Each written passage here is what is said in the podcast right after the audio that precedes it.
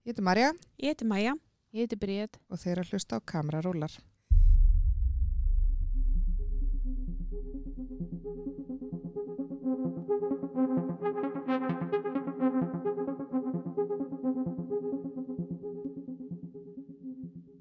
Við setjum hérna í Nova Sirius stúdíu podcastöðvarnar og hjá okkur er Lilja Ósk Snorradóttir, framlegandi og eigandi af fyrirtækinu Pegasus. Vertu velkomin.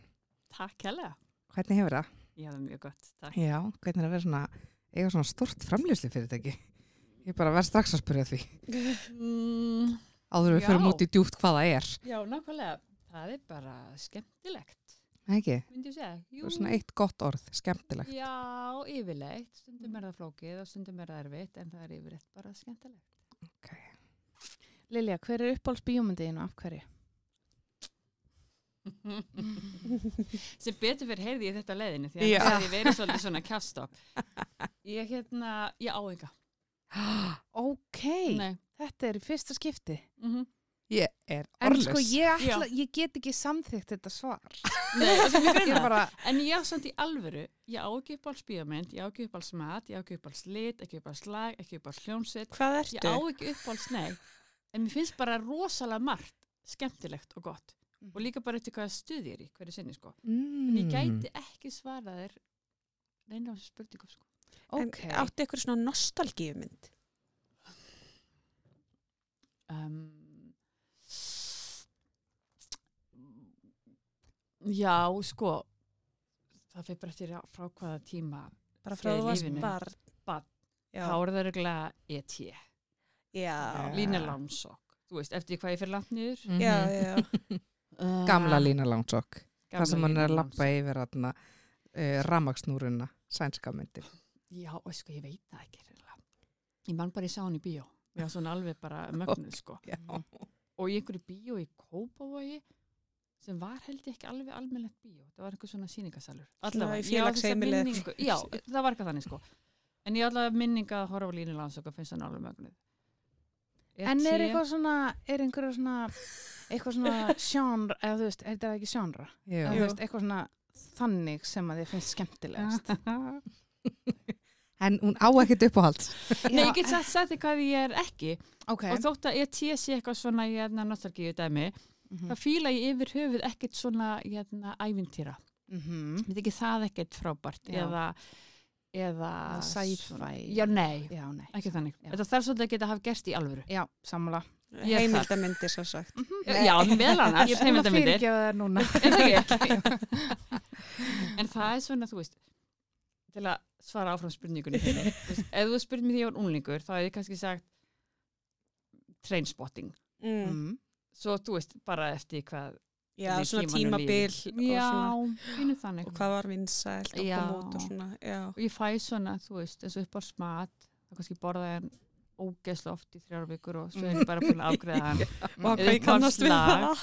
hlusta það bara repeat, það var algjörlega óþólandi og svo fæ ég ná því. En það ég á er samt samt ekki- svona þráhyggju. en ég fæ það samt ekki fyrir bíómyndi, ég myndi ekki horfa á sömu bíómyndina þú veist, tíu sinnum. Nei, kannski ekki á sama deginum eða eitthvað. nei, held ég bara heldur ekki við lífið Það er mjög áhugaverð. það er rosa vant, ég myndi að horfa á hana sama dag það var eitthvað svona aðeins skrítið í gangi Já, það er bara á hverju ertu. Já, ég held það. Já, ég svona, já.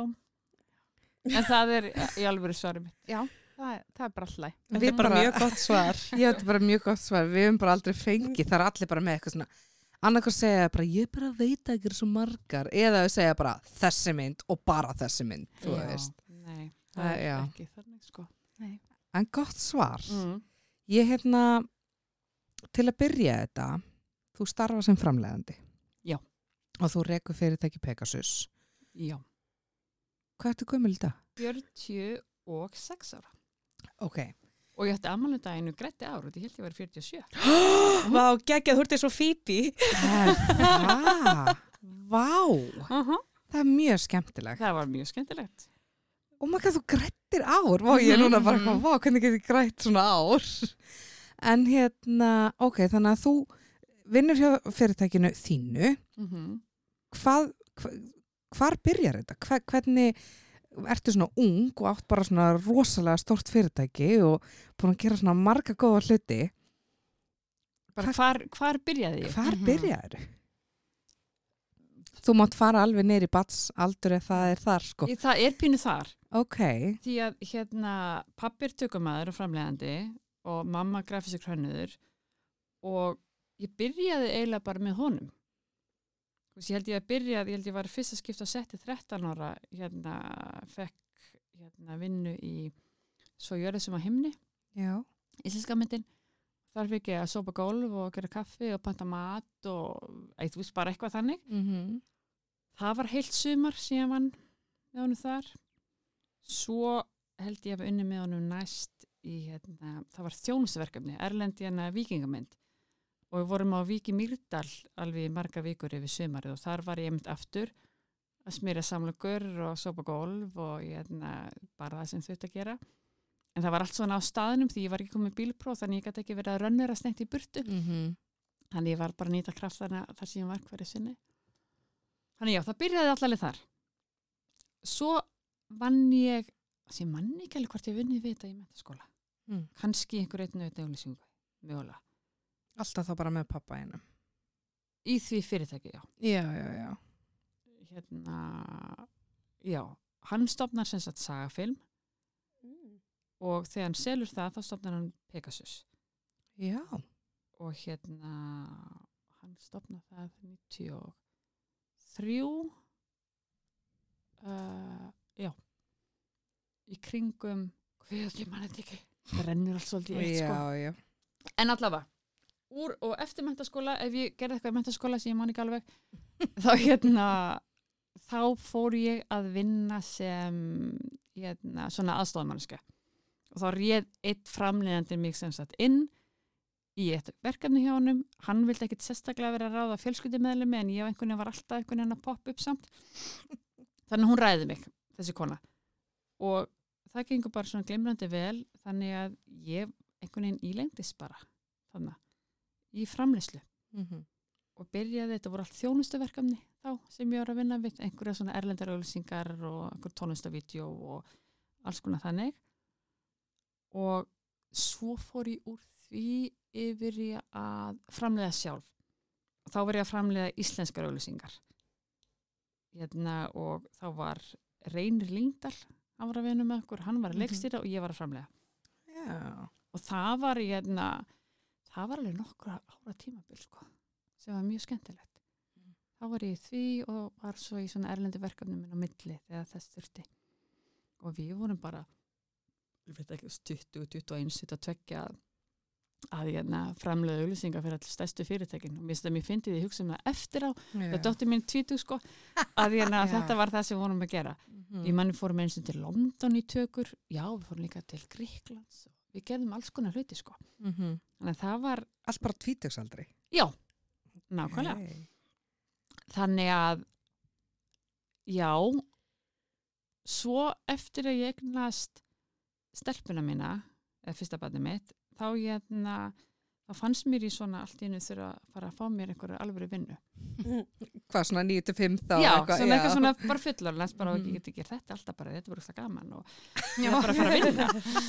Þannig að ég fyrir skóla, en vinn alltaf þarna með skólanum, samt sem aður. En svo útskrifast ég og fæ mér alvöru vinnu, þú veist, bara sem fullur af fólk gerir. Bara alvaran tekin við. Já, alveg hann tekið við og bara nú þarf ég að fullornas. Ég lærði viðskiptafræði. Ég ætlaði reyndar að læra ég að vera kennari og svo hérna bara daginn fyrir eða viku fyrir að þetta byrja í náminu þá skipti ég um skoðun og fór Mhm. kerði nýri í HR og bankaði upp á, á kennarskristónu þar og bara kling, kling, kling. Ég veit að umsóðin frestunir eru nút en mér langar rosalega að fara í viðskiptafræði. Já. Oh. Þannig að þær, þau hlifti minni þar. En ég gerði það, útskrifaðist og vann svo þrjú ár í alvöru vinnu. Hvað Hvað er það? Ég veit, hvað er alvöru Já. vinna? Ég var, ég byrjaði að vinna í sem sagt HR eftir ég hérna, útskrið þau byggði mér starf þar og svo hætti ég þar og fyrir að vinna hjá símanum við hérna í svona vörumerkja stjórnin, það var 3G að byrja og það var bara mjög skemmtilegt og skemmtilegu vinnistæður en svo svona áttaði ég mig á því að hérna, að hitt var kannski bara alveg vinna líka Já. og saknaði þess alveg ríkalega mikið og fór tilbaka Já. Já, mikið er það gott. Já, Var þá Já. verið að pota í þig, þú veist, einhver verkefni og svona, eða, Nei, veist hvað, ég sjálfum sér ekki ég hérna bara heldi mér algjörl út í þetta starf sem ég fór í já, Í alvöru Og- vinnuna. í alveg vinnuna mína og þótti það bara mjög skemmtilegt Mhm. en hitt svona kallaði alltaf á mig og mér langaði rosalega hérna, ég bara fattaði ekki alveg strax já, svo svona hérna, já, kveikti ég á perunni ok, heyrðu ég get svo sem alveg bara þetta er alveg, alveg verið vinna sko. Mhm. þótt hún sé svona sjúklega skemmtileg já. Mm. þannig að, já, Og varstu þá hvað, bara um þrítugt eða eitthvað svoleiðis þegar þú ferð alveg bara að starfa sem framlegandi? ég fer alveg aftur yfir já, allir það ekki Mhm. uh, já ég er það Svo cirka. já, ég var alls að þetta en já, nákvæmlega, réttum úr þrítugt þá Mhm. fer ég tilbaka Og hvað tekur þá við? Þá bara fullri vinni á Pegasus? og ég var svo sem í fullri vinnu hjá Pegasus orðin Mm -hmm. hérna, áður en ég hætti og ég, þú veist, þetta er náttúrulega svolítið bara svona einhver hérna, bílun sko að finnast þetta ekki að vera alvöru vinna Einmitt. En hérna, já og þá fer ég bara aftur yfir Þú Þá þurfti bara aðeins að finna þig. já, pínu og líka bara svona það er heldur stundum ágætt að fara í burtu og koma svo tilbaka þá svona Já. hérna og það var líka holdt að kynnast hérna öðruvísi vinnumhverfi Mm -hmm. þú veist sem er þar sem haldir forstuðumannafundir og stýrifundir og 9-5 eða frameftir og það sem er stór mannuðsteld og það er bara hérna, þetta var mjög holdt og svona góð skóli. Sérstaklega líka bara því að þú varst búin að vera í hinu bara síðan og varst krakki heila. Bara búin að einhvern veginn lifa og hrærast í þessu umhverfi. já, þannig það var mjög gott. Um, já, þá kemur ég tilbaka verð framkvæmdastjóri þar í PK SUS og svona smá saman byrja að framleiða aftur þá var ég hægt að framleiða ölsingar og hægt í þjónustaverkaðanum þau taka alveg rosalega tíma og eru svona, svona frek á tíman manns vegna þess að þetta er viðskiptavinnir og þau eru að koma í ákveðna tökur, ákveðna ákveðna dögum og þá þarf maður svolítið bara að vera tilbúin fyrir þá að þeim tímúti. Ok, þannig að útskýra hans þjónustuverkefni, er það bara svona minni fyrirtæki sem eru bara með einhverja eina auðlýsingu eða eitt Já. myndband? Já. Þá kannski hefur einhver samband við þig að utan sem er þá með auglýsingu eða tónlistamindband eða vill taka hluta úr sjónvarserju eða hvað sem er og hérna og byrði þig um að vera framlegandi þeirra á Íslandi til að gera þetta. Mm. og þá koma þau hingað heim. Og það er mjög misjæft stundu koma þau alveg bara hérna, 100 manns, stundu kannski bara tveir. Þau bara eftir hversu stort verkefni er og hvernig þau vilja líka hafa það. Stundum í svona starri verkefnum til sérstaklega sjómaserjum eða þær koma. Því að þá eru þau náttúrulega bara að taka, yfirleitt ekkert alltaf en yfirleitt eru þau bara að taka hlut af seríunni hérna á vandinu og restin er úti, þannig að þau eru með sitt starfsfólk.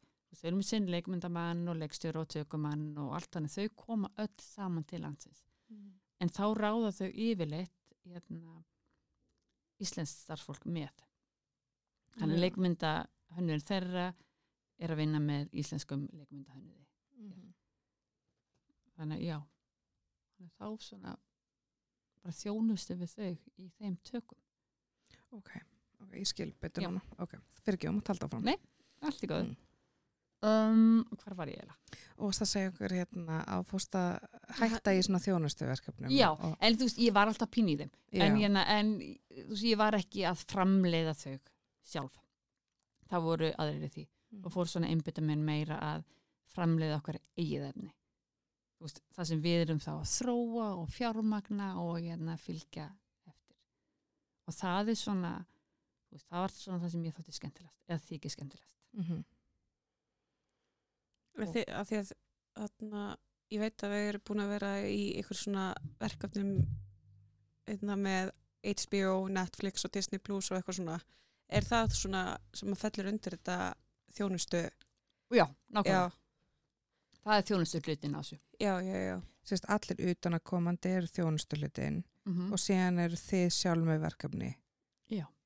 En, ok, þá, þetta er raun og veru þjónustuverkefnin er þannig þá eigum við ekkert í þeim verkefnum já. þá erum við ekki rétt hennar þessu verkefni við höfum ekki þróað þetta verkefni við höfum ekki fjármagnað heldur fyrir þetta náttúrulega endurgreisluna eða er þannig verkefni Mm. heldur kemur það tilbúið til okkar og yfirleitt kemur þá einhver aðal framlegandi og leikstjóri sem er að gera þetta þannig þetta er við erum bara þá í þeim hluta sem tökunar eru Þannig eru þið í rauninni að útvega starfsfólk eða eh, location og eitthvað svona. Mhm. Já. finna tökustæði, þau senda Mhm. okkur kannski hlut af handritinu og veist, haldið þið að þið eigi tökustæði fyrir þessar senur Mhm. þá sendið við þeim bara fullt af myndum bara já, hörðu, ég hugsa að þetta geti verið hérna, passa fyrir þetta hérna og þau velja úr, koma svo til landsins og skoða líka tökustæðina Mhm. sendu koma þau hérna, bara í sér, kalla skátt til að kíkja á tökustæði og til að geta tekið ákvörðun um það hvort það hendi yfir höfuð eða ekki Mm. en stundum duga þeim bara að fá ljósmyndir sendar þetta er svolítið eftir stærðin á verkefninu hvort að, hérna, Mhm. hvort að þau hafi fjármagn í það að fara þær ferðir Ok, og svo eru þið með verkefni sem þið gerir sjálf. mm Eru þið þá með leikstjóru og handriðsönd og eitthvað svona innanhús eða eru fólk Nei. að senda ykkur verkefni eða já, það er þannig hvernig virka það? um, það virkar eiginlega bara þannig að fólk hefur samband Já, ok. fólk hefur samband, segir ég með þetta handrit Mhm. lalala, ætla að lesa, hefur áhuga eða ég frétta að fyrir það er þetta handrit úti hérna, og ég hef samband Já. Það er fyrir búin að skrifa þetta, ég var rosalega til í að hérna, fá að kíkja á þetta handrit. Eða einhver ákveðin leikstöru sem hann langar að vinna með Mhm. og þá er hann kannski með eitthvað handrit. Þannig að þetta er, þetta er mjög misjátt hvernig það gerist. En svo erum við líka með hérna kannski verkefni sem að við óskum eftir að sé þróað og ráðum þá handritsöfunda til þess að skrifa það. Mhm. En það er, já, það er mjög hérna, misjátt. Þetta er rosalega fjölbreytt. Já, það er í lengi regla á þessu. Nei. Verkefni geta komið hvaðan sem er. Mhm. En, þi- svo náttúrulega hefur ekki tíma og getur ekki kannski lesið samt Nei. allt sem þér er sendt Mhm. eða, eða, eða tekið að þér heldur allt sem að Er þá verið að sækja rosalega mikið um, Já, það er töluvert sóttum. já, og hvernig veljið þá hvaða handrit eða verkefni þið allir að, skoða betur? Um, sko, fyrst skoðum við bara hvernig er verkefni að lóti núna. Höfum við pláss til að taka fleiri verkefni? Ef svarið er nei við því, þá skoðum við ekki verkefni. Því að það er bara ósangert að vera að kíkja og eða Já. tími og veik einhverja vonir og svo erum við ekki að fara að gera þetta fyrir nættu kannski 6-7 ár. Mm. Og það, Wow. hérna, já, þá er bara betra að segja nei því miður. Hérna, við erum bara með fullt hérna, verkefnasleit núna og við getum ekki tekið okkur fleiri verkefni. En þið hugsa svona langt fram í tíma. Já, það tekur bara tíma að hérna, þróa verkefni. Mhm. Að þróa, fjármagna, bara sér tökur, klára eftirvinnslu, þetta getur tekið alveg bara, þú veist, tvö upp í 20 ár, sko. Þetta gengur vel. Þannig það er svona allir gangur á því. En við segjum bara að við höfum tíma, þá lesum við handritið. Já. Og metum það út frá því. Og þá þurfum við svolítið bara, ok, finnst ykkur þetta gott handrit? Já. Langar okkur að vinna með þessum aðilum, svarið líka já við því, þá hérna, þá fyrir við að skoða með þetta betur. Já. Og hvað hafið þið uh, pláss fyrir, þú veist, eru þið þá með, ok, við tökum svona mörg, um, svona margar bíómyndir á Mhm. ári, svona margar auglýsingar, að þú veist, til að púsla þið niður. Já. Sko, hérna, auglýsingarnar og allt þjónustu, Mm hérna, allt sem tengist þjónustunni, við, við setjum ekkert einhver hérna, takmörk á það. Nei. Við bara þjónustöðin sem vilja koma og það er bara þannig. Mhm. En fyrir okkar verkefni sem viljum eiga sjálf, Já. þá þú getur ekkert framleitt neitt hérna, mikið meira en eitt verkefni í einu. Já. Það er pinn þannig, en þú getur verið að þróa Mm önnu verkefni með hann eða ég er allavega þannig Mhm. þú þart svolítið, að ég vil einbetta mér vel að þessi ég er að gera og gera það bara vel og klára það, ég er búin að pröfa hitt að reyna að vera með fullt af verkefnum og þá Mm. gerir reyna ekki neitt því að þú ert alltaf að dreifa tímanuðinum og hérna, verkefni fær ekki nóg mikla aðtekli Já. þannig ég vil frekar hafa verkefni í þróun og taka svo að mér og þá er ég bara að gera það Já. Þannig að segi, hvað eru margir framleiðendur að vinna hjá okkur sem í svona starfi eins og þú? það, þetta er mjög mikið hérna, verktaka Þetta er bara Basar, verktaka. já. Já, ok, ok. Þannig að það er ekki fleiri eitthvað svona, þú ert ekki með eitt verkefni en það sem tekur kannski þrjú ár og næst er ekki með eitt verkefni sem tekur þrjú ár líka. Nei, við erum ekki sett hann upp Nei, ok, ok. Ok, þannig að Áhugavert. Já. Já. þetta er svona fullt af alls konar Þannig að þið fáið bara framleiðendur allstæðar að til að koma að alls konar verkefnum. Í- Eða- Já, í, hérna, í tökum en að meðan til í þróun og Mm. fjármögnun þá ger ég það. já þá ert þú bara að gera Já. Já, ok. Þá er ég því en svo þegar kemur að töku tímabilinu sjálfu Já, já. og þá kemur einhver annar inn í það. Ok, hvað er svona uppáhaldsverkefni eitt að gera? Bíómynd, auðlýsing, tónlistavídeó, Já, svoleiðis. Um, bíó eða sjónvarp. bíó eða sjónvarp. Já, Já. Og þá sem þið eigi sjálf. já, Já, það er skemmtilega. það er 100% þannig. Mhm. Hitt áttu ekkit í. Nei, þá Hitt ertu bara að vinna fyrir þau. Já, hitt getur verið alveg bara hrikalega skemmtilegt, fullt af skemmtilegu fólki, en svo bara kveður þið það og þá er það bara þannig. Já, það er bara búið og Já. tekur bara eitthvað annað við. Já, já. Tökur bara næsta við. Þannig, já, bíó, En- sjónvarp. Hvað finnst þið skemmtilegast við það að framleiða? Við ferlið sjálf. Já, Um, hmm, það er svolítið flókin spurning. Um, það eru svona ákveðin finnst mjög gaman þegar maður er hérna, í byrjun á verkefninu og mjög astur yfir ykkur handrit eða eitthvað álíka. Svo er mjög gaman að þú ert búin að ná að fjálmagna þá kemur aftur eitthvað svona, yes, heyrðu, þetta náðist nú voru að fara í gang. Byrjun á hérna, undirbúningunum, þegar við farið tökur, svo þegar við erum að klára, það er útla gaman, það er útla gaman að þú ert búin að klára verkefni sjálf og ert að fara að sína það, það er líka geggju tilfinning. Mhm. Þannig að það er svo margir fletir, eins og bíómyndina, já, ekki Mhm. uppáhalds. Það eru bara- það eru mörg stig á já, þessu. já. En þau eru líka erfitt, þú stundum er alveg Einmitt. ógætt erfitt og frustrerandi og gengur hægar en þú vilt. Já, lappar á hérna- vegg og eitthvað svona í Já, ferlinu. já, það er bara að gerist mjög. Já, já. Og, en hvað er svona, hvert er hlutverk þitt sem framleiðandi? Hvað felst í því að vera framleiðandi? um, sko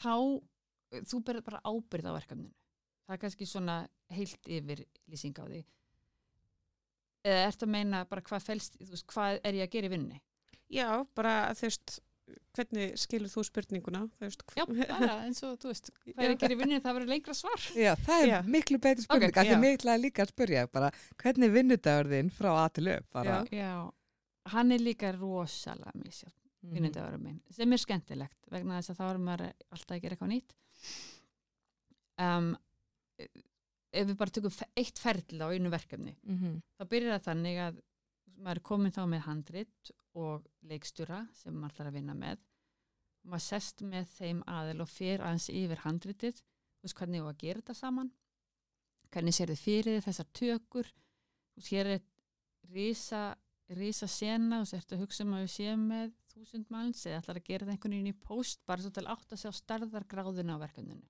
Og líka bara hvað treystir þú þig til að fjármanganda fyrir mikið? Það skiptir líka svolítið miklu máli. Þú veist hvort að hugmyndir hans leikstjórans eða hennar sé á sama stað og mínar. Mhm. þannig við séum að hugsa örgulega sama hlutin því að þótt að við lesum bæði þetta handrit þá kannski erum við ekki að hugsa það sama. Þannig að það er útla mikilvægt að byrja á í að finna svona sameiginlegan flut á verkefninu. Eftir það byrjar maður að fjármagna. Og þá finnum maður bíó sína heima sem vil sína myndina sjómarstöð sem vil líka taka við verkefninu og svo er það kvikundamistöð þannig að þá segjum maður um framlýslustyrk þar. Svo þegar það er komið þá getur þú farið að finna penning að utan í verkefni og það er svolítið svona misjæft eftir hvernig verkefni þú ert að gera. Hversu líklegt það er að þú náir að fá pening frá öðrum sjóðum. Eða öðrum löndum. Mm -hmm. og þá svona þá finnur þér meðframlendur er það kallað. Hérna, þú finnur kannski einhvern í Danmörku. Eða svo bara með tímanu kynnistu fólki vel og egnast vini og þá náttúrulega leitar þau fyrst til þeirra heyrði ég með þetta verkefni hérna, þú veist, ég hugsa þetta sé akkurat eitthvað sem þú er áhuga á og maður fyrir svona að þekka þeirra smekk hvað þau vilja gera og hvað taka þátt í. Þau segja já, þá segja þau um í sínu sjóð. Ef að þau hafa pláss emitt í sínu verkefni þau eru kannski að segja um eitthvað annað og þá geta þau ekki sótt um 21 þannig að það Já. skiptir líka miklu máli. Eða 20 eða 30 eða hvernig sem staðan er hverju sinni. Þannig að þegar það allt er komið þú veist þá ertu búin að fá peninga utan peninga heiman og sér fram og sért að fara í þessu tökur þá byrjar að skipilega bara hvenær ætlum við í þessu tökur? Er þetta eru vetratökur, ok, við þurfum að býða þá einhverju x mánuði vegna þess að vera snjóri eða sumar eða hvað sem er. Og svo ræður við stafsfólk og þá ræður við framlegenda sem er á setti line producer eða PM eða hvernig sem það er. Mhm. og svo restina af starfsfólkinu. Þá hérna ræður það, gerir samninga farið leifi allt þetta sem maður þarf bara að gera. Svo koma tökunar þá er svolítið þínu verkefni lokið í byli hefur sett þetta nógu vel saman þar að segja? En það er alltaf eitthvað. Þannig að þú ert með náttúrulega. Þótt ég sé ekkert 12 tíma á setti sko. Þá lítum maður við að þetta sé lægi og vantar eitthvað eða hérna, þarf að leysa ykkur vandamál eða hvað sem er. Svo klarar við tökur og þá tekum við eftirvinnstímbilið þá byrja klippið og fyrir svolítið eftir hvað það gengur vel hversu langt ferlið verður. Og líka er mikið að hérna, tölvubrellum eða einhver svoleiðis. Svo klarar við það og þá byrjar að segja um, festival hefur ykkur áhuga að hérna sína myndina hjá sér og þannig yfirleitt velur upp frumsýningadaginn út frá því svo. þegar það er búið að sína á öðrum hátíðum Já. Já. Of, ég, ég það ekki, ég það bara velur hjá heyrðu, ég er að fara að sína að þessar átt í september við ætlum að hafa ágúst hérna heima fyrst. Já, einmitt já. Náttúrulega bara ræður því svolítið hvernig þú gerir það. Mhm. En yfirleitt vilja þessi festival hafa heims frumsýningu. Já, ég var myndið að pæli því sko Já, það er oft, oft krafa. Mhm. Þessi A-festival vilja gera. Já, einmitt Þeir vilja vera fyrstir og svo kemur þetta hingað -hmm. Já. Ok, en áður þú ferð að ráða inn starfsfólk til að vera í tökunum ertu ekki að ráða neitt með þér í, í undibúningin þú veist, í, í rauninni pre-production Jú, ég ger það. Þá ræði ég þennan framleiðenda. Já, já, já, fyrir ekki, já, einmitt. Sá aðli kemur með mér og er í þessu að hérna, ringi fólkið og ráða og semja og allt Mhm. þetta. En þegar þú ert komin í eftirvinnslu tímabilið Mhm. ertu þá kannski byrjuð í þróun á öðru verkefni Já, ég er yfirleitt byrjuð þróun á öðru verkefni þegar maður er svona sér fram á að fjármögnunin er að smetla Já, ok og maður er kannski að þróa 2-3 á sama tíma. Mm -hmm. og maður veit aldrei almennilega hvernig þróunin gengur, skrifin sum ganga rosalega hætt fyrir sig sum eru aðeins hægari. Þannig að þá eru þá einhver, en ekki á mörg samt. En þá eru einhver verkefni svona að mallast á meðan hérna. Og þá sé ég, já ok, heyrðu, þetta er komið þetta langt, þá sendum við hér í sjóðan Sniðugt. Mm.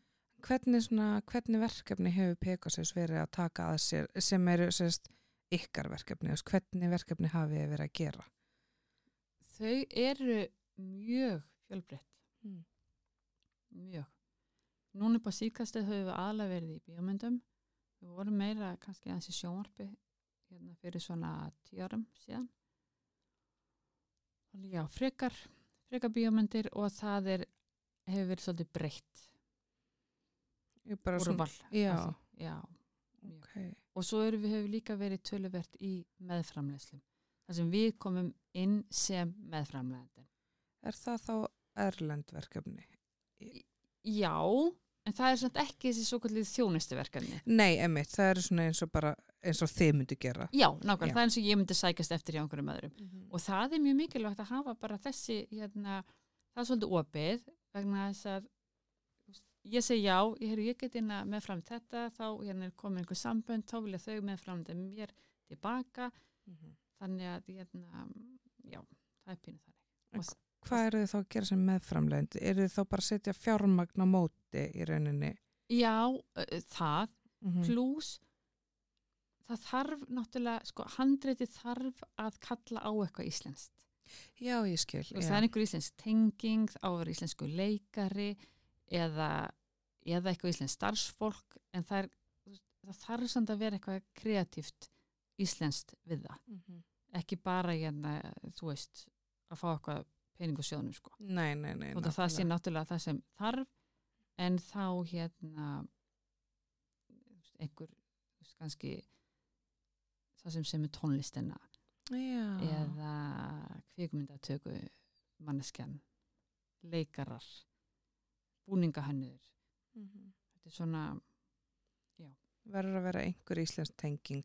já, það þarf að vera það annars náttúrulega er heldur engin hvati fyrir kvikmyndamiðstöð að, að styðja verkefnið eða ekki vera neitt hérna, íslenskt við það En á þetta líka við um fyrirtæki sem verða ykkar með, meðframlegendur? Já.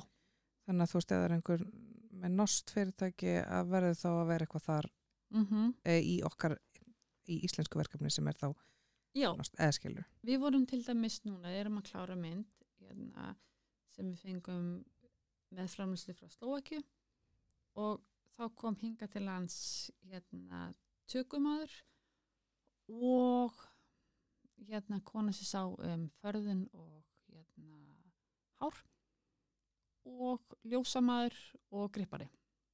Já, ok. Þannig að þetta er svona atvinnuskapandi og að Akkurat. fá fjármagn. Ok, Mhm. ég er farin að skilja Já, þetta veginn núna. Ég skil. Þannig þau komið þaðan og svo vorum við líka með smá eftirvinnslu í Króatíu. Já, ok. Fá hvað þetta er ótrúlega fjölbreytt og stórt dæmi. Ég held að, veist, ég held að fáir gera sér grein fyrir því hvað er mikið batteri á bakvið þetta, eða þú veist. Já, hvað er hérna, hver er grunnurinn ára maður byrjarurinn í tökum? Já, Já, það getur bara verið líka bara mjög langt ferli. Stundu gengur þetta mjög hratt fyrir sér. Við til dæmis, núna þessi mynd sem ég var vísaði núna áðan, það tók ár frá því að fengum styrkin frá KMI þar til við vorum komin í tökur. Það er bara stutt eða ekki? Það er mjög stutt. Já, já, ok. Það er í raun og verið bara algjör drauma samsetning að ná því fram. En svo getur þú líka verið bara að hamast með verkefni bara í mörg, mörg ár. Það. Já. En þá kannski líka á einhverjum tímubóndi hugsa maður, heyrðu, er þetta kannski bara eitthvað Mm. sem er ekki að fara að gerast. Og maður líka geta gert það. Já, Þarf þú hérna- þá að vera íta í alla og pota og áfram og áframgak og... Já, eða ég er svo sem er Já. bara að potast. Mhm. Já. Ég segi það. Bara, hvernig er það? Það er bara hérna stundum hérna, svekkjandi Mm -hmm. að vera með eitthvað verkefni sem þú telur að sé alveg geggjað en, hérna, en engin annar. Já. eins og getur ímyndað er ekkit frábært. Mm -hmm. En yfirleitt samt ertu búin að komast að því á þróunaferlinu. Já. Að því að þá sérðu þau, heyrðu, nei, þetta er ekki þetta er ekki eitthvað sem er að fara að ganga upp. Mm Og þá þarf maður bara að vera svolítið ófeimin við að loka þeim verkefnum. Já. Í staðin fyrir að halda áfram að hjakkast í einhverju sem er svo ekki að fara að verða neina, sko. En gerist það oft? Já, já. Eða það? En sorglegt. Mm. Maður vill ekkert meira að allt gangi upp, þú veist. Já, það er bara, nei, það er alls ekki þannig. Það er alveg fullt af verkefnum sem að byrja í skrifum eða byrja hans í þróun Mm -hmm. og svo hérna lokast þau aftur bara.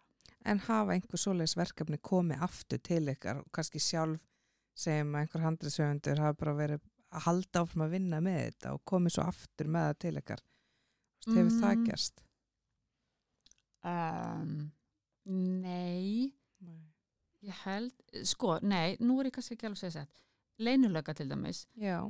hún var til fyrir tíu árum ára við fórum í tökur ok, vá hérna, en ég hafði enga aðkomi að því nei, þau voru nei. búin að skrifa dröga handriti og gera einhvern hérna, trailer og svo tíu árum síðar hérna, les ég þau drög ó, og, Ok. Og, hérna, og við fórum í það. En þá breyttum við hérna, fórum að sí handritavinna aftur og fórum að hérna, vinna með það. Þú mátt væntalega setja einhverja svona kröfur, þú veist, bara ég til í þetta verkefni en það þarf að laga þetta, það þarf að gera þetta eða það Mhm, ekki?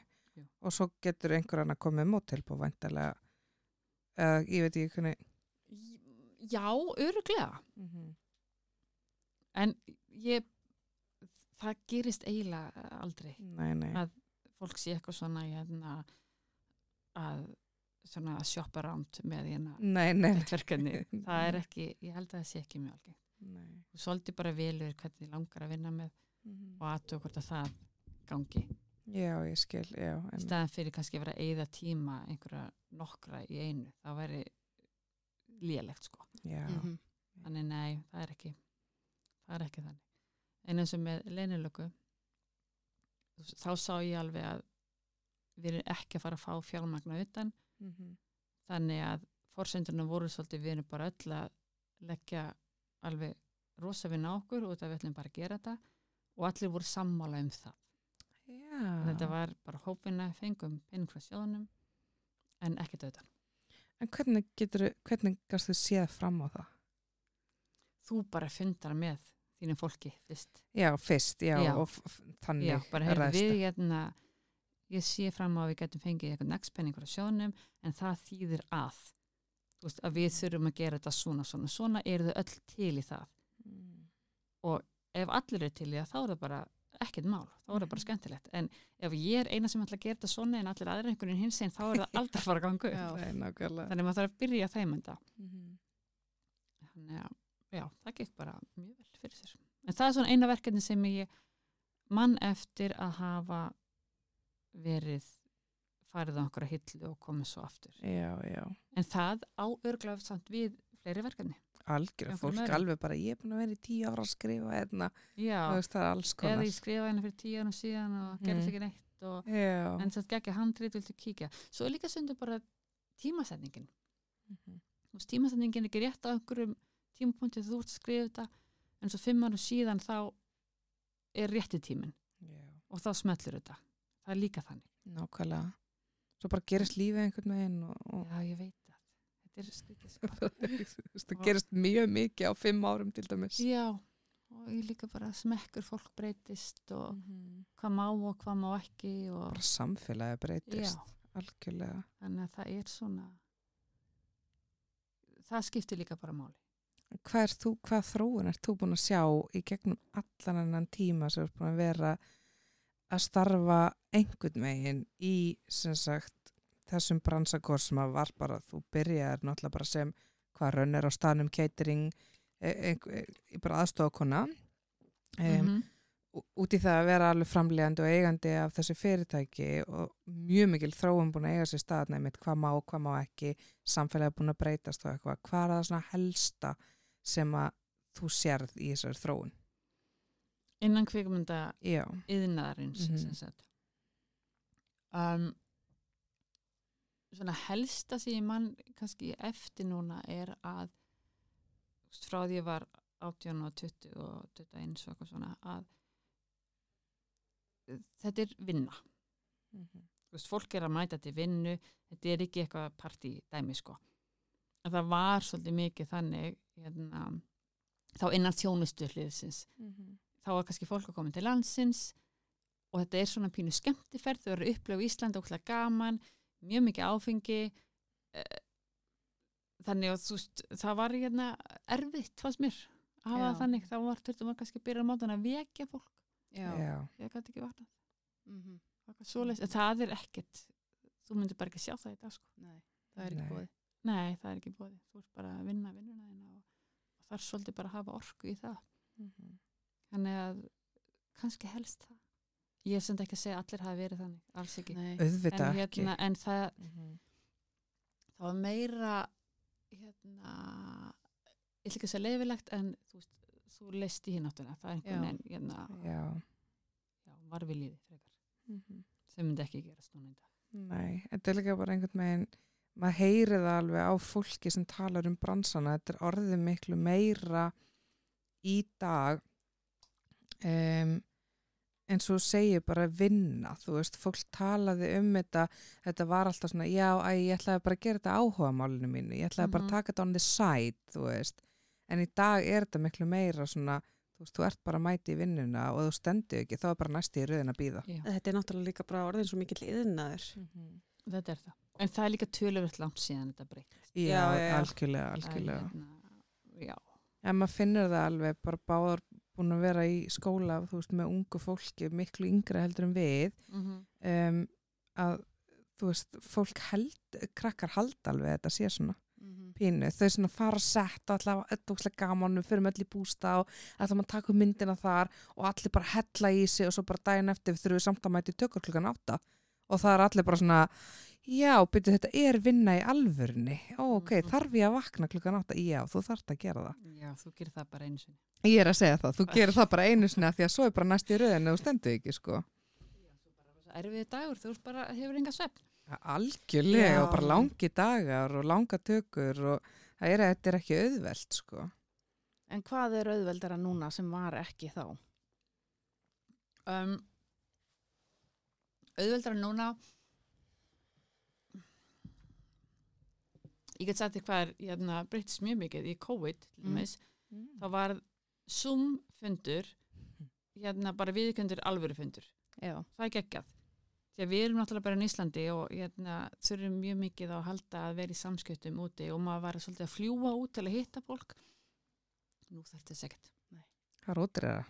þetta er bara miklu þægilega og, og þetta er alveg ávið alvöru fund núna, Þú veist, fólk vill alveg taka svona fundi Já. en á meðan áður þá varstu svolítið að ég ætla að fljúa til London og fund veist, það er starf náttúrulega alveg gali sko. Já, sko. einmitt, ég væri bara Bara ég er til að en þú væntar að líka bara brjálaði spartnaður. já, brjálaðis Og pæli í kólefnasporinu maður. ég, ég veit það, þetta er alveg þetta er smá ruggla sko Já. Já. Og ég held þetta er, er náttúrulega bara heilt yfir líka Já. allstæðar Mhm. hérna að nú er þetta viðkend, þetta var alltaf viðkend fundir að þeir en núna er þetta samt Já, Þetta ég, var samt fólk vildi alltaf Já, frekar þú varst svolítið hittast. svona í öðru seti Já. að taka svona fund. já Mhm. en maður finnur líka alveg fyrir því oft þegar það er erfitt að, þú veist, þó svo við séum öll bara einn á höfuborgarsæðinu, en það er erfitt svona að setja fundin í dagskránu einhvern veginn Mhm. og svona Zoom-fundir taka oft stýttir tíma Ég veit það.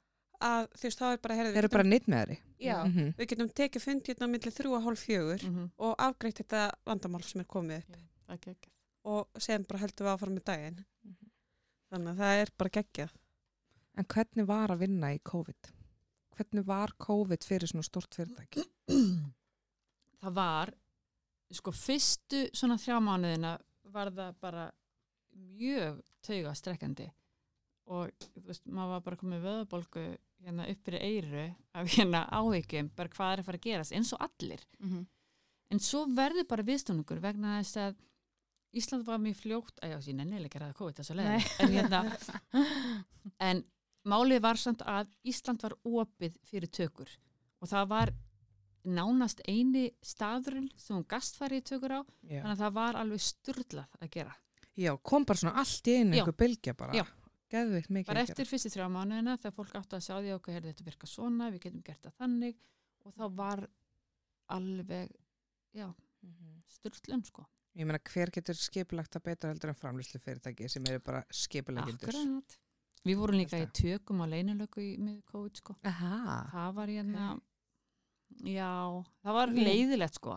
Það hefði verið skemmtilegra að hafa það hins auðvitað. vorum einhverjum fjöldatökum og ætlum að vera með rosa hérna, mikið að aukaleikurum í einhverju stórri senu og maður hafa allt hólfa skipt og bara neða með bara 19 verið hverju hólfi og Oh my god. það, það var flókið sko Já. en það tókst Mhm. Ertu massa skipulögð? sko hérna í mínu persónulega lífi þá er ég það alls ekki Er það? Nei, en hérna Það er út af því að- að allt sem þú hefur, hvað það varðar, fer í vinnuna. Já. Þannig að, það er svolítið þannig Mhm. innan vinnunar, já mjög skiplað en svo kem ég heim og þá bara er ég hætt í vinnunni og þá er ég ekkert mikið að stressa mig sko á hlutunum. Þannig að ég get ekki alveg hérna, svarað sem er góður í saminsko, ég sé það alveg 100% því Þannig að þú ert ekki, ekki. framleiðandinn á heimilinu. Nei, það er ég ekki. Nei, Það er ekki kötturinn það er líka bara kettir eru dicks. Ok. Það er pínu þannig. en sko. hvað eru þið mörg að vinna hjá Pegasus? Núna, fastráðan, eru við bara þrjú. Já, Mm er það ekki bara þægilegt? Það er mjög þægilegt. Það er þú, Mm -hmm. framlegandi, og það er, Elli, sem er maðurinn minn líka, ó, ok, og hann er framleiðandi ok, og fjármálastjóri. ok. Mm -hmm. En þannig að þú og Elli skiljið hvort annað mjög vel. Ég og Elli sama. skiljum hvort annað mjög vel. Viljið vinnið í sama bransa, sko. En hann sér um þjónustuna. Já, ok. Hún þykir það miklu skemmtilegra Mm og mér þykir hitt miklu skemmtilegra. Vá, hvað þið eru fullkomið Já, bara hvort annað. Gott Við balans. En eigið einhver ung börn, þú sagði að stelpur sem er tvítug. eða um Við eigum það? þrjú börn. 20 ára Já. og svo stráka sem er að vera 14 og 12. Finnst þeim ekkert, þið eru náttúrulega kannski bara í 9-5 vinnu sirka, eða ekki? Nei, uh, þetta er svona tímabil. Já, já. Stundum er mjög mikið að gera þá er maður kannski svolítið svona hérna, lítið við og svo aðra dagar þú kannski bara mjög sveigjanlega og getur komið á öll skólaleikrit og Fótballtaleiki og... og skuttlaði sund og ei, þið skiljið. Þannig að En eru börnin þín ekkert veik fyrir að fara í hennar bransa? Vera með? Nei, einhvern veginn ég þau langar náttúrulega að leiki einhver. Já. En Þú hefur hérna- auka leikari. Já, en nei, nei það hefur ekki komið upp. Og Kannski einn dag. kannski einn daginn Já. já, það geti verið en ekki eins og er sko. Ég myndi eiginlega örgulega bara allast til þess. Þið takið við ok af okkur. já, Aðeins, stopna þetta fyrirtæki. Og þú ert þetta er bara ættar að leggja sér og Já. gera þetta já, við verðum með eitthvað að endur skoða til okkur Og-. Og Pegasus er orðið hvað gamalt? það er orðið 30 ára 30 ára. Bara, já, eða Ú. 31 annarkort Já. já. Þetta er svona eins og aldurinn minn, ég var ekki Já. alveg Já, já. já. Og þið ráðið bara verktaka, bara Mhm. eins og flest önnur framlustu fyrirtæki í svona verkefni. mm Eru þið með bara eitthvað svona lista sem er að svona go-to listi? það gerir svolítið ósjálfrætt Já.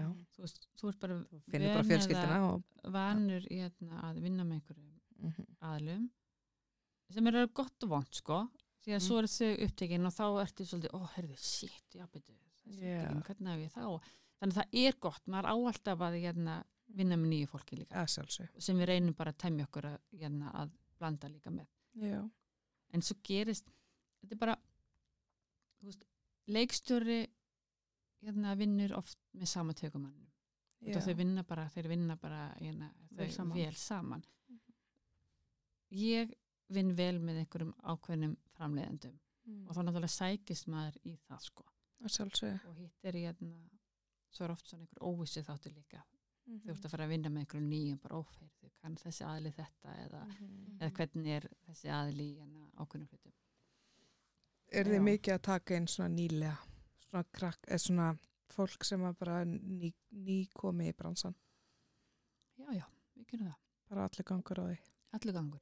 Það fyrir líka bara til hversu stort verkefni er Já. verkefni er mjög lítið og við erum bara að fara að ráða þrjá líkilaðila þá er mjög ólíklegt að Já. einn af þeim aðalum Sé sé alveg nýr en ef við erum með stort verkefni þá alveg hygglega sko Mhm. því að þá, þú veist, þá er kannski þú veist, tíu leikmyndadeild eða, eða þú veist, bara sem dæmi eða fullt af rönnurum og fullt af hérna, aðstofamanneskjum Mhm. og þá myndast rými til að vinna með hérna, nýju fólki Er það þá hérna, production manager sem að hérna, passar, þú veist, hver mætir hvenar og, og allt það? það er aðstofaleikstjóri Djók, það, ég vissi það, já. Já. Sáðalegir call sheet Já. og, hérna, og þá bara sér þetta á þeim lista hvernig þú ætti að mæta alveg rétt, ég Mhm. bara ómanglega væ, Já. langt sér ég verið í verkefni. en, en ég minna ef að verkefni er pingu lítið þá náttúrulega er ekki aðstofalegstöru þá þarf einhver í framlýstunni að gera það þannig að þetta var ekkit, ekkit Mm. galin pæling sko Og maður gæti aldrei pælt í þessu svoleiðis af því að ég hef bara verið í einhvern svona pínleitli verkefnum og það er alltaf aðstoflegstur. já, það er nú yfirleitt þannig verkefni er þarf það að vera ekki? ansi lítið að sé ekki aðstofalegstöru Já, einmitt, einmitt. Þarf einhvern gerist. svona til þess að halda utan um planið mm já, Já, það er þannig ok. Og þetta er allt svo ótrúlega áhugavert, ég geti talað um þetta í allanda. Hvað væri svona draumaverkefni? Nei. Viltu kannski ekki segja það? Ná ekkit upp og hald. ég veit þetta Já, þetta er ok, svona en pínu ég sagði draumaverkefni. já um, framlega ævintýramynd já, Sci-fi pottið mynd. Ævintýra sci-fi bíóm. Já, einhver ævitýra sci-fi bara ég vildi óska þess líka, já, ég hef gert Lord of the Rings mm Mhm. hérna, Er einhver aðili sem að þið langar til þess að vinna með en hefur ekki unni með? Eða fyrirtæki eða eitthvað? nei Þú hefur bara unni Ekkert. með þeim öllum. Ok, Nei, geggjað. alls ekki það er ekki þannig hérna, en það er líka svolítið svona hérna þú getur ekkert endalust ég gerir ráð fyrir að tala þá um leikstjóri eða handriðsöfundur Já eða, já, eða bara fyrirtæki eins og Netflix eða Disney. já, einhverju svo- svoleiðis Já, Já, bara. bara alls konar. sko við höfum í þjónustunni unnið fyrir öll þessi fyrirtæki Já, ok. þannig það, þú veist, Já, þannig já, já. sé hérna, gangi til. já, nákvæmlega en fyrir mig sjálfa Mm eitthvað svona hérna, Það má líka alveg vera einhver aðili. já, altså, þetta er svolítið svona kostur og galli já, Já. þú veist, það var geggja að gera fyrir Netflix en þá allt í henni er alls konar öðruvísi flækjustig sem það verður ekkert að fara út í sko Nei, nei, Já, maður hefur heyrt alls konar, Netflix getur verið með hérna, Mhm. kröfur og alls konar hluti sem að, Svo þú getur ekki gert neitt í. Nei. við viljum líka hafa þetta svona, já, Mhm. ha, Mhm. Ó, ok, svo getur það bara síðust stund hætt við líka og það er náttúrulega bara alveg ræðilegt já, Gerist það oft með svona stór fyrirtæki? það gerist alveg Úff. ef þau komin í þróun og svo ertu bara komin mjög langt og þeim líst ekkert á þetta þá geta þau bara hætt við ef þeim hendar Er það mikið tekjutap fyrir ykkur? Eðast fyrir Nei. fyrirtæki? það Nei. myndi ekki, þú veist, þá ef að þú værir að þróa þetta fyrir Netflix þá þurfa þau náttúrulega bara að greiða fyrir þá þróun já, Já, ég skil. en það já. er hins vegar hérna, svekkjandi vegna þess að þú ert búin að ráðstafa þínu tíma Já. og telur þið verið að fara að gera eitthvað x hluti og svo ertu allt í enn ekki að vera að gera þetta og hín verkefni þín eru röðu þannig upp miða við þetta Að þannig já, jú, Mhm. í sjálfum sér væri það tekjutöp Já, en, hérna, en við það ákveðna verkefni já. ætti það ekki að vera Nei, nei. ekki nefnum þú sér bara í einhverju ert bara að þróa það eh, þú veist á þess að fá neitt frá þeim Já, já, það væri ekki gott sko Nei, Mhm. Og ég held að það sé ekkert í þeim business sko, að gera svolítið sluti nei. held ég En ef þú værir ekki framleiðandi, hvað myndir þú vera að gera innan kvikmyndabransans? Já, mjög góð spurning líka hérna, ég myndi örgulega vilja vera að gera eitthvað varandi handritaskrift ok. þessu gæti ég svarað Mhm. Já. ha, en þá Af því að hugsa ég samt- ekki uppáhalds. Ha, Það inni hjælt líka ekki uppáhalds í þessari spurningu. en Já. þá hugsa ég samt, þá hlýtur að eiga draumaverkefni. Nei. Nei. Er ekki svona, ekkert eitthvað svona ó, hvað ég væri til að gera verkefni um þetta, eða svona. Ég sko í einhverjum svona draumaheimi já, Mhm. og ef ég væri ógeðslega hérna, hæfileikaríkur handriðsöfundur þá myndi ég náttúrulega vilja bara skrifa heilu bíómyndinar já, og sjónarsæti staðan er að ég er það ekki. Mm. þannig að en ég er í framlöslu já, en mér þykir samt gaman að vinna að handritum. Já, og ég geri það alveg. En hérna en ég hugsi ég myndi ekki setjast kannski niður sjálf. Held ég ekki, kannski gera maður einhvern mann já og einhvern með þér í það. Já, kannski að því þú getur í rauninni búið til það sem þið langar mm það er svo hjá þér maður þarf bara einmitt, taka sér tíma og ákveða að gera þetta Já. en já, það væri svona drauma Mhm. í svona draumaheimi Já. en hérna praktist og rökrétt væri það ekki já, en hérna þú skilur mig Já. En sen er eitt, þú varst kjörin formaður sambands íslenskra kvikmyndaframleiðanda Mm -hmm. haustið 2020, ertu ennþá formaður þar? Nei, ég Nei. hættar. En þú varst fyrsta konan til þess að Já, akkurat. vera í þessari stöðu. Mm Það er bara geggjað. Já, mjög, það er mjög skemmtilegt. Já, en þú veist, hvað varstu þá að, er það svo stjættafélag fyrir kvikmyndaframleiðendur eða? Mm. Þetta er svona hagsmunafélag fyrir já, kvikmyndaframleiðendur sem er að passa upp á veist, það kemur ný reglugerð fyrir kvikmyndamiðstöð eða nýtt fyrir endugreisluna svo koma bara upp alls konar eh, vandamál innan gæðsala bæðverkefni sem þarf bara að vinna. Þetta er bara klassist félagsstarf fyrir þennan innan ummitt. og ég var búin að vera í sík tölvöld lengi frá öruglega 2011 hugsanlega. Þannig að það var bara komið einhverjum öðrum núna Já, fara í það starf sko ummitt. því það tekur alveg ótrúlega mikið tíma Og orku, já, já, bara tímorku og hérna þú veist, þetta er alveg mikið starf Ummitt. að vera að vinna innan, innan sík Já. ef þú ætlar að gera það vel Já, ummitt. En er þetta þá, þetta er bara ólaunað? Þetta er bara svona eins og, já, þú farið einhver svona hérna, smálun fyrir það Já, já. en það er ekki er þú það ekki út af laununum Nei, nei, nei, nei, nákvæmlega. Nei. svona málamelunar hérna, laun sem þú færð fyrir það Mhm. Mhm. Þetta er náttúrulega, já, kannski pínu flóki að vera alltaf að einmitt eh, takast á við ímis vandamál bara. En Já. þetta er alveg nöðsynlegt. Mhm. já, það er það Já, þú veist, það þarf að skoða alls konar réttindamál og, og svo bara þróun mikil þróun í Mhm. hérna, bara umhverfun okkar þannig að það þarf að vera í takt við það Já. þannig að kom allt upp einhver ný atriði Mhm. þú loksins heldur að hérna, já, herri, þegar við erum búið með þetta þá er nú svolítið hérna, þá er það svolítið gott, þá kemur Mhm. bara eitthvað nýtt Já. En líka því þú varst búin að vera í þessu svo lengi að vinna fyrir sík að en í dag þú ert ekki í þessu starfi mm -hmm. og miðað við hvað búið að gerast kannski síðan þú hættir er eitthvað innan bransans sem að er að viðgangast eða eitthvað svoleiðis sem að þú vildir að þú getur breytt?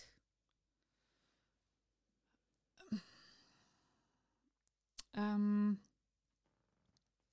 Nei, sko jú, auðvitað vildi ég geta breytt og hérna, ég var í konungur fjárlagarna og myndi setja útla mikið peningi kvikundagerð það var ekki að Já.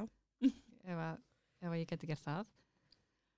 Og hérna setja meiri peningin í kvikmyndamistöð Já, það, Það er svolítið stórt vandamál Já, og búið að vera lengi Já, það búið að vera lengi og það er náttúrulega bara svo ógæslega mikið að hæfileikar eitthvað fólki hérna á landinu og það er að skrifa handrit og sækja um og Mhm. það bara gefur auðvitað að það er ekki hægt að, að styðja þetta alls saman. Nei, ég myndu líka að þetta er svona vaksandi yðinaður Mm -hmm. hér á landi Já.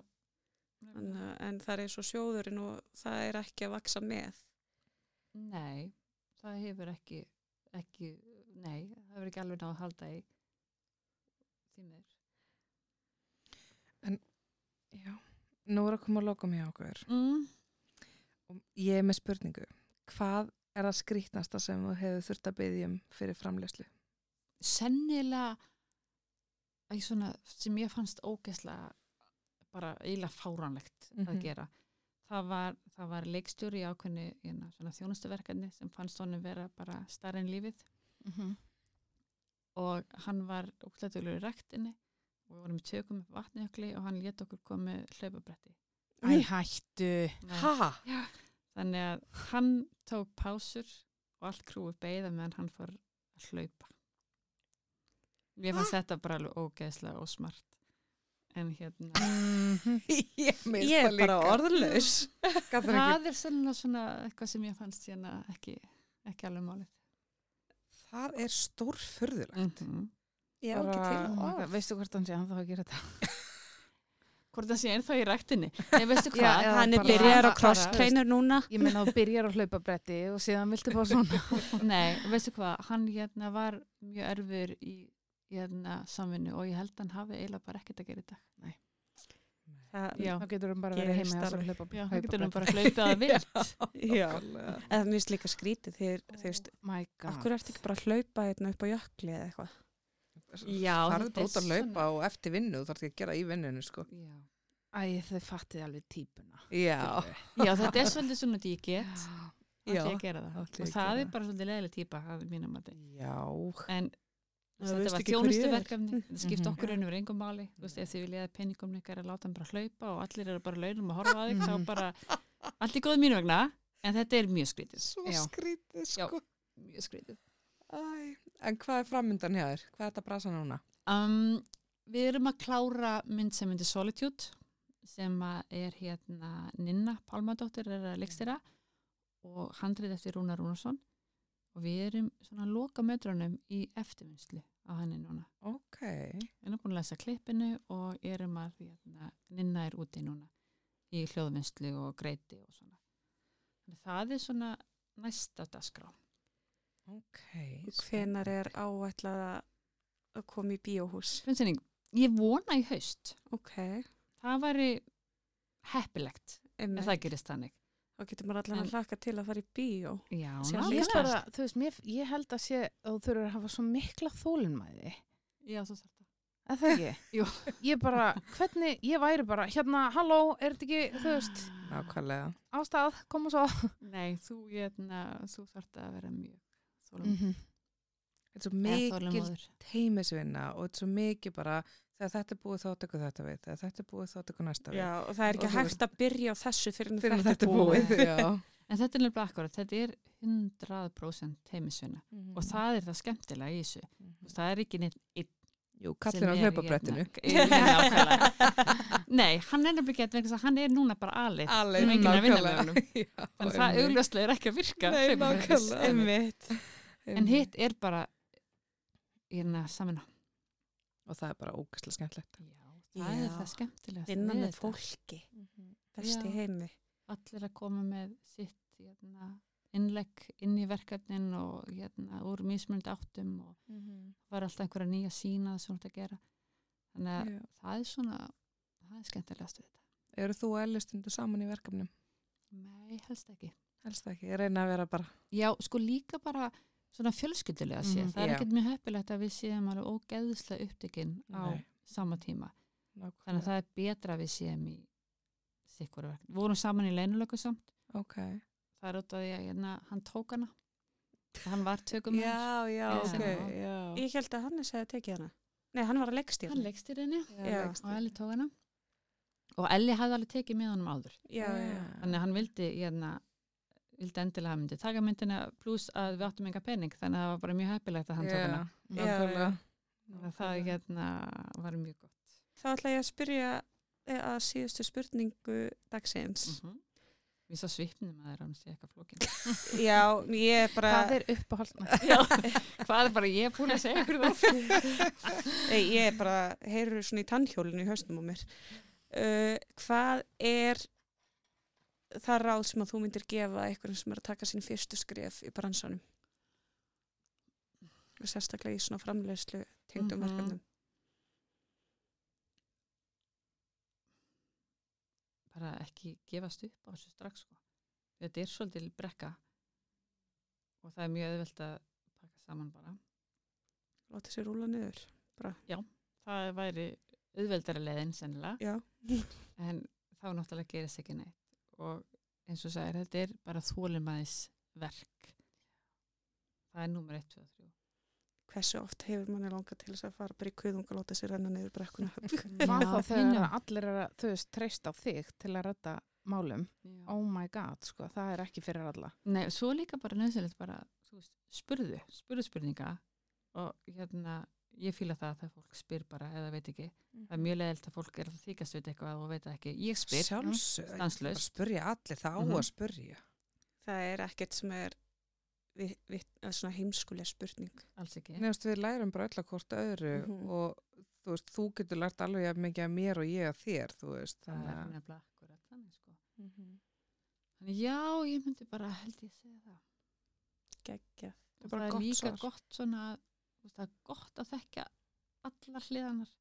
Veist, það er gott að vera búin að vera rönnir og kynna sér allt þar og þá ertu svona með hérna vitneskina á öllum stigum málsins. Mhm. Ég er sammála því. mm veist að allir er að vita eh, hvað felst í hverri stöðu í raun og veru Já. Mhm. það er nöðsynlegt Mhm. þannig já, kannski það og ég segi bara takk kærlega fyrir að koma og tala við ykkur og fræða okkur um Pegasus og, og þitt Takk fyrir líf. mig